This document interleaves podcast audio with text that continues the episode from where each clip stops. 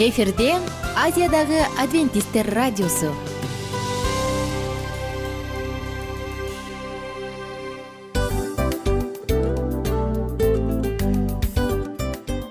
Достор салют. Баардык сүйүктүү угармандарыбызга салам айтабыз. Кутман күнүңүздөр менен. Ден соолук өмүрдүн булагы демекчи саламат саамы программасында баарыңыздарды көргөнүбүзгө абдан кубанычтабыз. Анда алгач амандашып өтөлү арбаңыздар деп. Ден соолугуңуздар кандай элибизде көбүнчө ден соолук кандай дегенде эле жакшы деп жооп беребиз э? ооруп турсак дагы жакшы дейбиз. Анан мен муну айтып ойлойт элем бул абдан сонун сөз депчи анткени бул жакшы деген үмүт да ооба баары жакшы болот баары сонун. Деп үмүттөнүп атып эле өзүбүздү өзүбүз дарылап коебуз. Анысы кандай сиздин дагы ден соолугуңуз жакшы беш деген үмүттөбүз чындыгында ден соолук бул өмүрдүн булагы деп бекеринен айтылган эмес деп ойлойм. Кыргыз элинде анткени эгерде ден соолук жок болсо анда адамдын жашоосунда калган баардык керектүү маңыздуу нерселер өзүнүн баалуулугун жоготуп коет. Ошондуктан ден соолук бул эң керектүү нерсе. Ооба туура айтасың кесиптешим. Чынында ден соолугуң жок бир эки үч күн ооруп калсаң эле э кандай болуп калат? Жашоодо көз каранды болуп каласың көп нерсеге жетишпей каласың көп нерсени кыла албай каласың жада калса эшикке дүкөнгө да чыга албай каласың. Туптуура анан ден соолук болсо демек биз биздин бактыбыз тоодой деп койсок болот. Анда достор саламат саамы рубрикабызды баштайлы. Алдыда өзүңүзгө керектүү болгон сонун кеңештерди уга аласыздар. Мына ошондуктан биз менен бирге болуңуздар. Ал эми биз болсо милан жана айнура. Кеттик алга. Алга саламат саама ден соолуктун жарчысы. Саламат саама ден соолуктун ачкычы. Күн сайын сиз үчүн мыкты кеңештер сонун жаңылыктар кызыктуу фактылар. Биздин рубрикада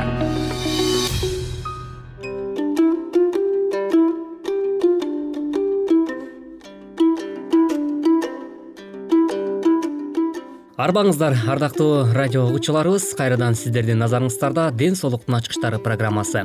Бүгүнкү программабыздын чыгарылышында өткөн берүүбүздө сиздер менен кеп кылып өткөндөй эле адам баласынын э, жашоосунда ден соолукка өтө олуттуу таасир тийгизип жаткан бүгүнкү күндөгү дал ушул э, арак туурасында биз сүйлөшкөнбүз.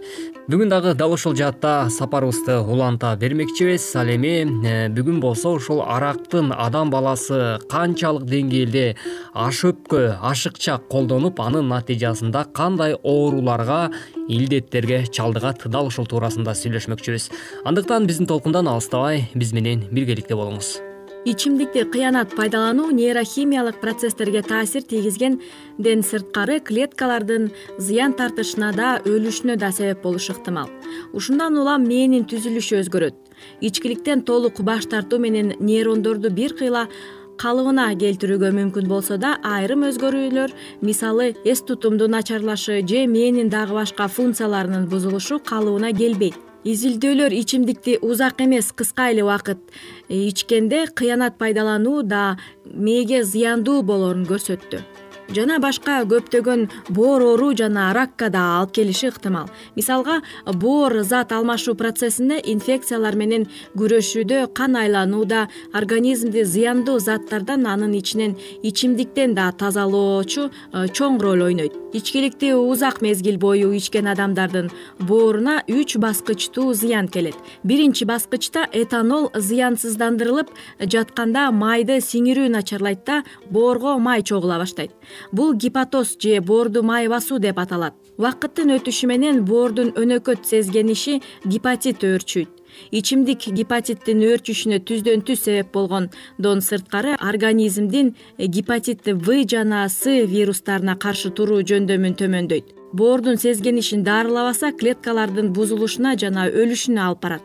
Мындан сырткары ичимдик клеткаларынын өлүшүнүн табигый программасын иштете баштайт көрүнөт. Бул процесс эпатоз деп аталат акыркы баскыч боордун циррозу же катышы боордун э, сезгенишинин узакка созулушу жана клеткалардын өлүшү андагы олуттуу өзгөрүүлөргө себеп болот.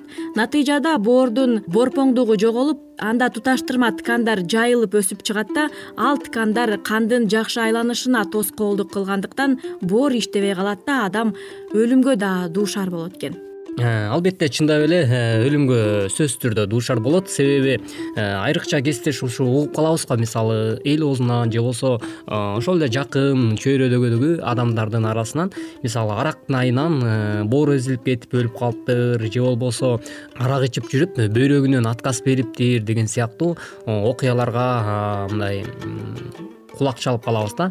Андыктан адам баласынын ден соолугуна чын эле бул ичкилик жана алкоголь ушунчалык э, бычак десек да болот экен да. Демек э, кымбаттуу угармандар бүгүнкү күндө сиз дагы ушул арактын кулчулугунан чыга албай жаткан болсоңуз анда сөзсүз түрдө э, бул арак менен коштошууңуз абзел экен. Себеби өзүңүздүн саламаттыгыңызды чыңдаш үчүн демек өзүңүзгө өзүңүз гана жардам бере алат экенсиз андан башкасы ичимдик боорго дагы башка э, жагынан терс таасирин тийгизет.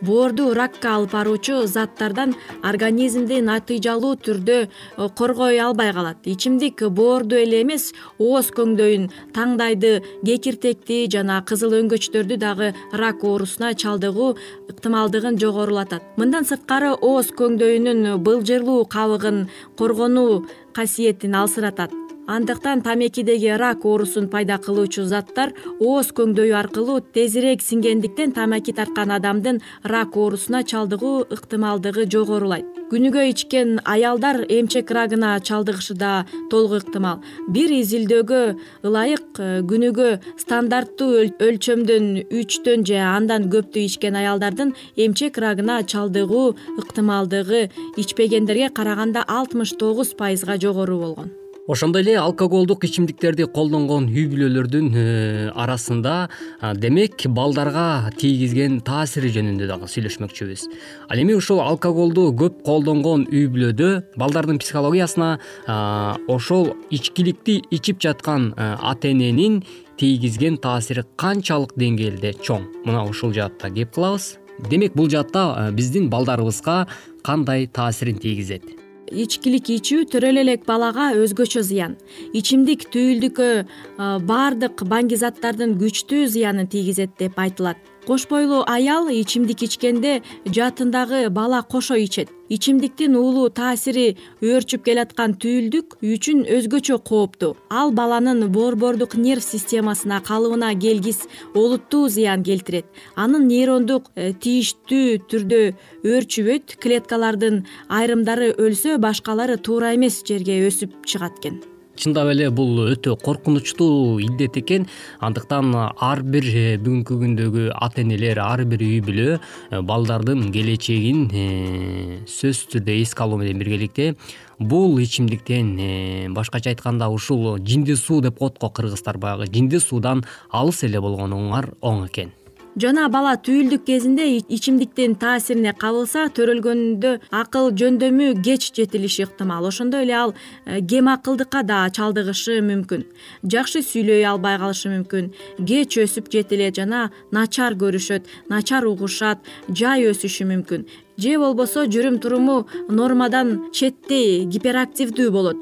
Төрөлө элек деле ичемдиктин таасирине кабылган балдардын көпчүлүгү бет түзүлүшүндө дагы ар кандай э, кемтиктер менен төрөлөт ооба чынында эле э, ушундай ичимдикти ичип э, анан э, ошондой үй бүлөдө төрөлгөн кээ бир айрым балдарды ар кандай балдар үйүнө өткөрүлгөн айрым бир балдардын арасынан көрүп калат эмеспизби мисалы ошол эле жогоруда кесиптешим айтып өткөндөй дене мүчөлөрүнүн кемтиги жана ошондой эле бет түзүлүшүнүн дагы ар кандай мисалы ооздун кыйшык төрөлүшү жана ошондой эле мурундардын кыйшык болуп бүтүп ара төрөлүп калышын дагы көрүп жүргөн учурларыбыз бар. Андыктан мына ушундай кичинекей наристелерди бейкүнөө жөндөн жөн э, каяктагы бир арактын айынан э, ушундай майыптыкка алып баргандын өзү эле бул эң чоң күнөө болуш керек. Андыктан эмки берүүдөн кезиккенче ден соолукта болуңуз жана ошондой эле э, жакшыга жанашып жамандыктан алыс болуңуз деген тилек менен бүгүнкү программабыздын көшөгөсүн жапмакчыбыз. Кайыр достор саламат саама ден соолуктун жарчысы. Саламат саама ден соолуктун ачкычы. Күн сайын сиз үчүн мыкты кеңештер сонун жаңылыктар кызыктуу фактылар биздин рубрикада.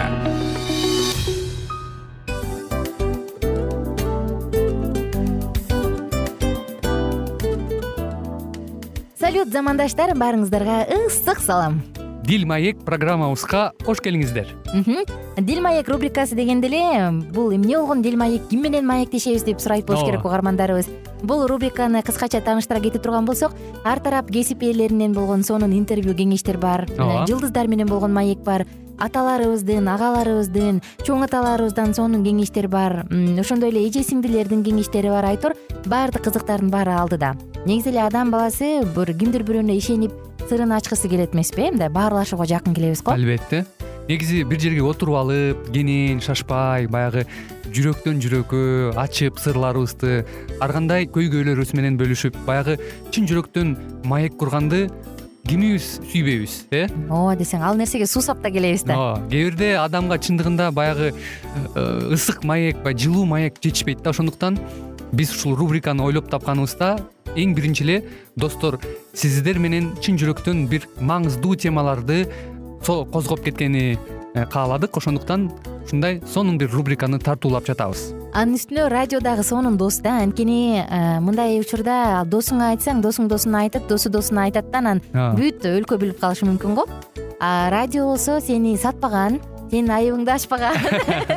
Сенин сырыңды эч кимге айтпаган сонун дос мына ошондуктан биздин алдыдагы айта турган кеңештерибизди биздин досторубуздун кеңештерин угуп анан ал жака пикириңизди дагы калтырып кайрадан биз менен байланышсаңыздар болот. Деги эле жашооңузга эгерде кичине болсо дагы өзгөрүү алып моралдык жактан нравовалык жактан сонун бир кеңештерди алсаңыз демек биз максатыбызга жеттик. Ооба. Чыңгыз атабыз улуу жазуучу э, чыңгыз айтматов айткандай адам болуу бул күнүмдүк процесс экен. Күн сайын адам бойдон калуу бул адамзатка эң эле кыйын дейт э? э эң кыйын дейт. Чындыгында бунун э, негизинде адамдын эң баягы сапаттуулугу адамдын э, адамгерчилиги жана көптөгөн керектүү нерселер. Мына ошол темалар дагы бизде ушул дил маекте биз аларды да козгойбуз. Ден соолук жөнүндө да сүйлөшөбүз. Сөзсүз түрдө. Анан милан мырза негизи айтып коюшат го биз көбүнчө эмнени ойлонсок ошол нерсеге карата иш кылабыз го. Ооба. Анан анысы кандай? Балким бул радио баракчада кимдир бирөөнүн оюн текшергенге жардам берет кимдир бирөөнүн жүрөгүн текшергенге жардам берет. Балким кимдир бирөөгө жашоонун маңызын тапканга жардам берер. Айтор кызыктын баары алдыда бул жөн гана кыскача жарнама анда угармандарыбыздын баардыгын кийинки рубрикабызга чакырабыз. Ал эми кызматта маңдайымда отурган кесиптешим милан жана мен айнура. Анда эмесе биз даярдаган терең терең ойлор менен таанышууга кеттик. Алыс алыс баралык анда эмесе достор биз менен бирге болуңуздар. Алдыда эң кызыктуу маалыматтардын баардыгы бир нече мүнөттөр бою жалгыз гана сизге арналат. Мына ошондуктан жакшы маанай менен угууну каалайбыз. Үн алышканча. Жөнөдүк.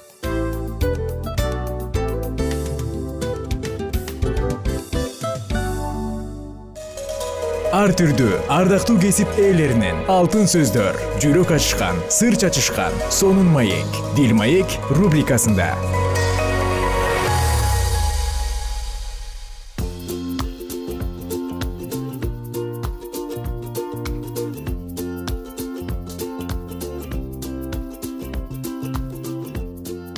таңкысын жасап келген иш аракеттер.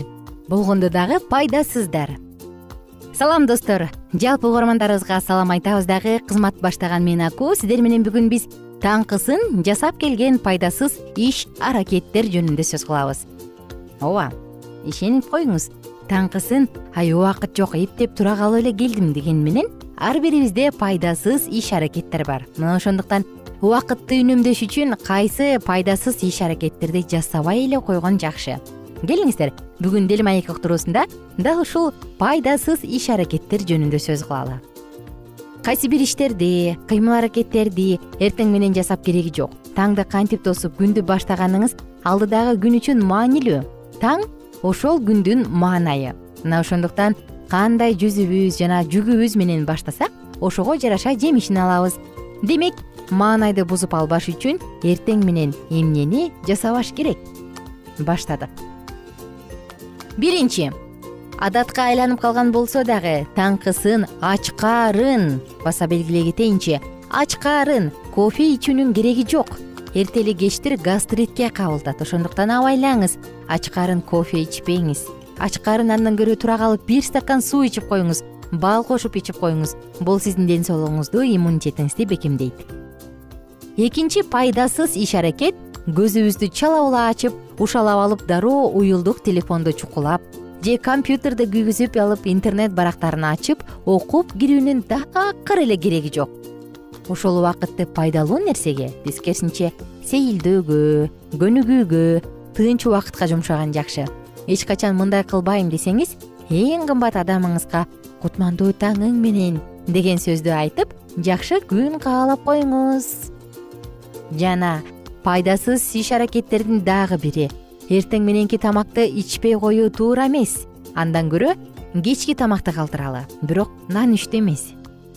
Эртең мененки тамакты өзүң же түшкүнү досуң менен бөлүш кечки тамакты болсо душманыңа бер деген сөздөрдү көп эле жолу уксак керек э? Таң заардан сыналгыны күйгүзбөңүз. Бул дагы болсо зыяндуу адаттардын бири. Достор чынында мен студент кезде бир агайыбыз бар болчу бар болчу ал адам азыр деле бар. Анан эртең менен ким чай ичпей келди дегенде биз жалаң студенттер колдорубузду көтөрөбүз да. Чуркап барып ашканага баргыла да бир стакан жок дегенде кайнак суу ичип келгиле жөнөгүлө.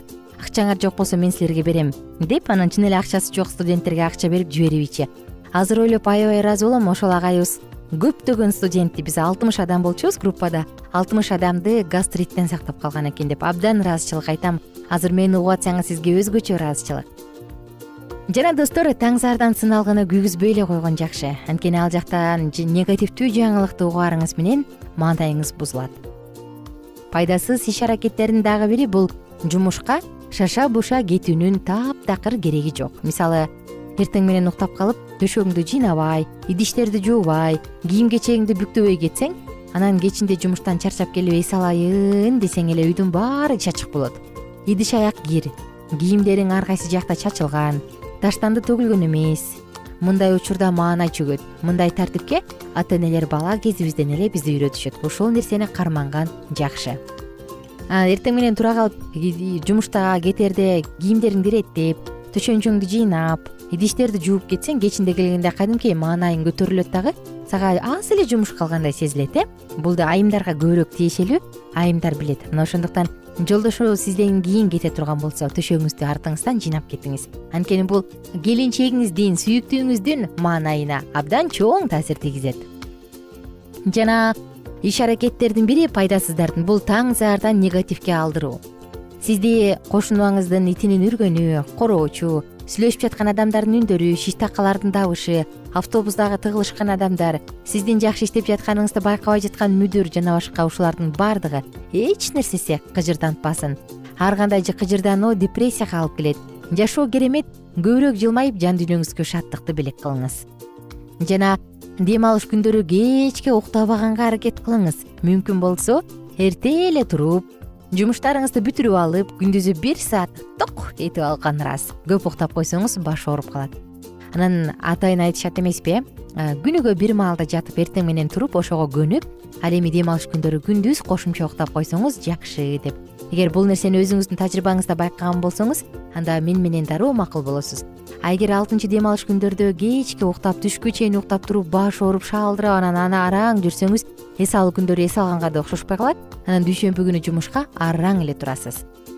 Пайдасыз иш аракеттердин дагы бири эң негизги кереги жок нерсе бул таарыныч капа жана кайгыны алып жүрүү. Мындай сезимдер менен күндү баштап жана бүтүрүп кереги жок. Дал ушул жагымсыз жанды тондурган сезимдер нормалдуу жашап жашоонун ырахатын көргөнгө тоскоолдук кылат. Таарыныч сезимдери коркунучтуу эгерде ээлеп алса. Бирөөнөн экинчи адамга саат жебелер сыяктуу бурула бериши мүмкүн. Ал күнөөлүү сен күнөөлүү эгерде сен минтпегенде а мен минтпегенде деген сыяктуу териштирүүлөргө кеткен убакытты башка пайдалуу жумуштарга жумшаган жакшы. Таңды кандай тоссоңуз күнүңүз ошого жараша уланат таң кандай башталса күнгө ошондой нота ошондой тон берилет мына ошондуктан ар бир таң мажордуу тон менен башталсын. Ар бир таң жагымдуу нотадан башталсын. Ар бир таң өзгөчө шаң менен башталсын. Даңкысын кандай иш аракеттерди жасайсыз? Жана алар сиздин убактыңызды гана албастан кыжырдантат байкап көрөлү келиңиздер. Эмне кыласыз эмне кылбайсыз? Мунун баардыгын бир сыйра байкап алыңыз дагы алардын ордуна альтернатива табыңыз мисалы чуркаңыз телефон текшергендин ордуна сүйүктүүңүздүн бетинен өбүңүз урушкандын ордуна тескерисинче жагымдуу учурларды жагымдуу кымбат адамдарды эстеңиз айтор ушундай кылып отуруп биз ар бир таңды ар бир күндү жагымдуу кылып өткөрсөк болот. Достор атым аку. Сиздердин жалпыңыздарды кийинки уктурууда күтөм. Кайрадан амандашканча саламдашканча сак саламатта туруңуздар дейм. Дал ушул дил маек уктуруусу жалпыңыздар үчүн жагымдуу маанай тартуулай берет. Биз менен бирге болуңуздар кайрадан амандашканча. Алдыдагы рубрика дагы сиздер үчүн бул программа дагы толугу менен сиздер үчүн айтор баардыгы сиздердин жылмаюуңуздар үчүн. Ар бир таңыңыз кубаныч менен башталсын.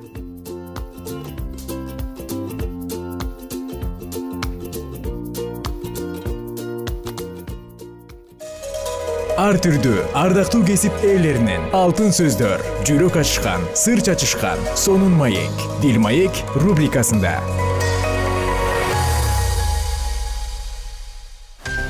жан дүйнөңдү байыткан жүрөгүңдү азыктанткан жашооңо маңыз тартуулаган жан азык рубрикасы.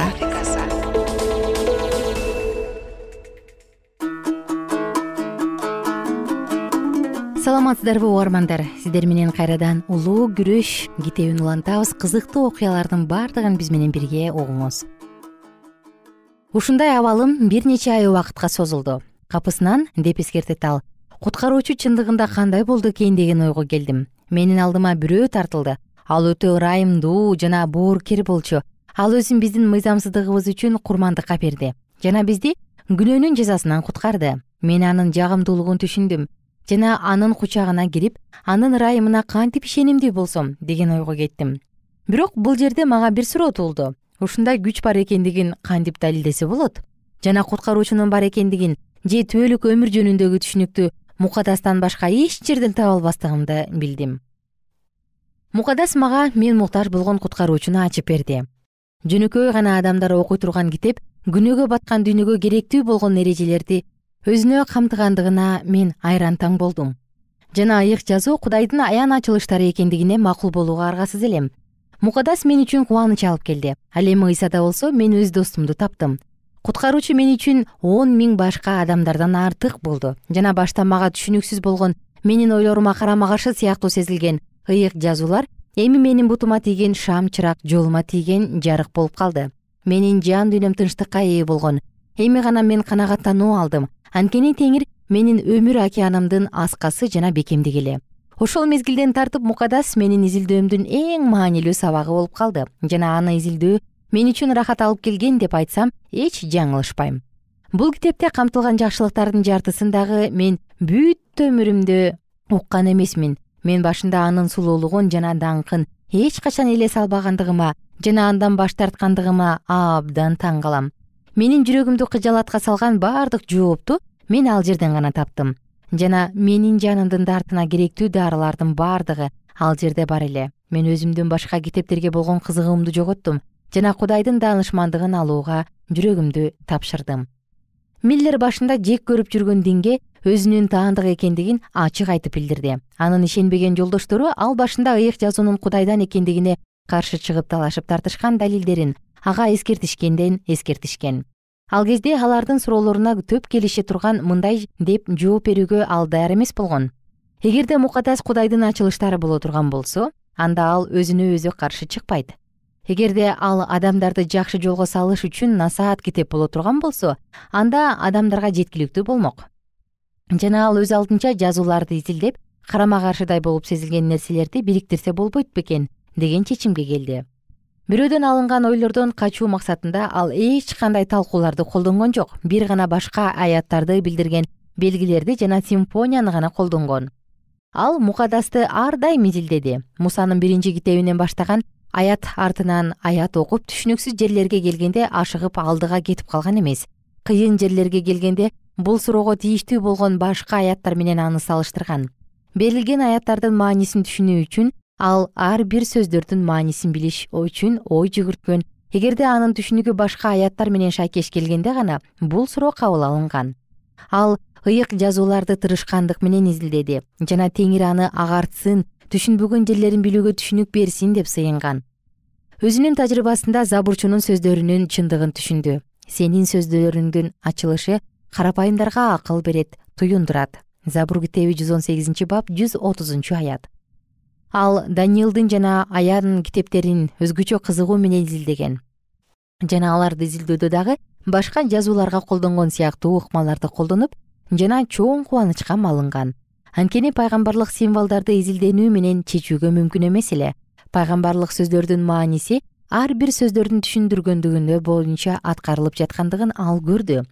Ар кандай образдар үлгүлүү аңгемелер метафоралар бир бөлүктүн ичинде же ыйык жазуунун башка жерлеринде алардын ачкычтары бар экендигин билген. Ушундайча мен мындай деген жыйынтыкка келдим. Дейт миллер. Мукадас бул ачык чындыктардын системасы. Булар жөнөкөй жана түшүнүктүү болуп жазылгандыктан акыл эси төмөнкү адамдар дагы аны окуу менен адашпастан түшүнө алышат. Пайгамбарлыктардын улуу байланыштарын ал биринин артынан бирин биле баштады жана анын аракеттери бийликке ийгиликке бөлөнгөн асман периштелери анын аң сезимдери менен башкарып жана ага кудай сөзүн ачып берди. Баштагы пайгамбарлыктар кантип аткарылгандыгына негизделип келечектеги окуяларга байланыштуу пайгамбарлыктар дагы ошондой эле болуп аткарылат деген жыйынтыкка келди миллер ушул нерселер машаяктын жер үстүндөгү миң жыл падышалык кылат деген ошол кездеги окутууларына каршы келип бул туурасында кудай сөзү эч нерсе айтпагандыгын билет. Анткени ушул божомолдор боюнча миң жылдык бейпилдик жана тынчтык өкүм сүрүп ал эми кудайдын каардуу күнү алыскы мезгилдерге калтырылган. Бирок бул божомолдор канчалык сооротуучу болгондугу менен ал өз тамырында машаяктын жана анын элчилеринин буудай менен отоо чөптөр оору мезгилине чейин башкача айтканда дүйнөнүн акырына чейин бирдей өсө берсин деген күбөлөндүрүүлөрүнө карама каршы келген. Жаман адамдар менен алдамчылар башкаларды азгырып жана өзүлөрү дагы азгырылып улам жамандыкка бара жатышат жана акыркы күндөрдө оор мезгилдер келээрин билишиң керек. Экинчи тиметей үчүнчү бап он үчүнчү аят. Ал эми караңгылыктын падышалыгы машаяктын экинчи келишине чейин созулат жана ал анын оозунун деми менен анын келиши менен кыйратылат. Экинчи тессалоникалыктар экинчи бап сегизинчи аят.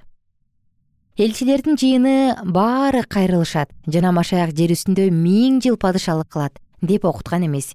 Бул доктрина он сегизинчи кылымдын башталышына чейин христиандар аркылуу анчейин деле таанылган эмес.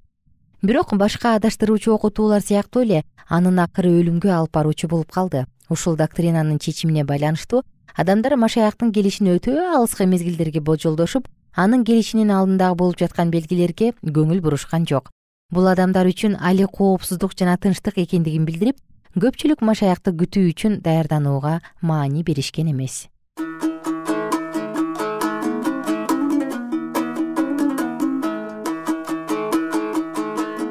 достор сиздер менен улуу күрөш китебинен дагы бир үзүндү окудук. Кайрадан кийинки уктурууда окуябызды улантканча сак саламатта туруңуздар.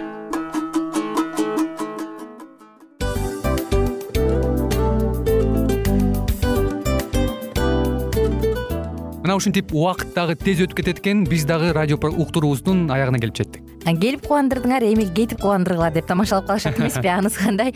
Радио баракчабызды программабызды азыр эле баштап аткандай болдук элек мына соңуна келдик э? Негизи убакыт э, билинбей өтүп кетет экен? Мен дагы э, убакыт дегенде бүгүн бир адам менен сүйлөшүп калдым. Анан убакыт бул мүмкүнчүлүк деп айтып өзүмө өзүм айтып алып анан мага өзүмө эле кайра ачылыш болду да чын эле Э, карап отурсаң ошол эле жыйырма төрт саат ошол эле жарым саат кайталанып атат бирок сендеги мүмкүнчүлүк жок ошол кой берилип кетти? Анысы кандай? Бүгүнкү сонун убактыңызды алтындай болгон жарым саатыңызды бизге бөлүп арнаганыңыз үчүн ыраазычылык айтабыз.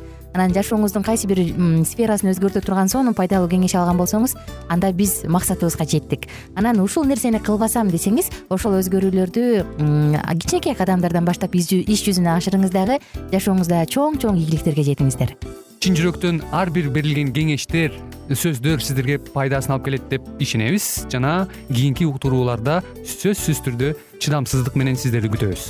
Сагынычтуу салам айтып кайрадан дал ушул жыштыктан баардыгыңыздарды тосуп алганча. Кызматта мен айнура жана кесиптешим милан. Анда кол булгалайбыз жалпыңыздарга ийгиликтүү күн. Саламатта калыңыздар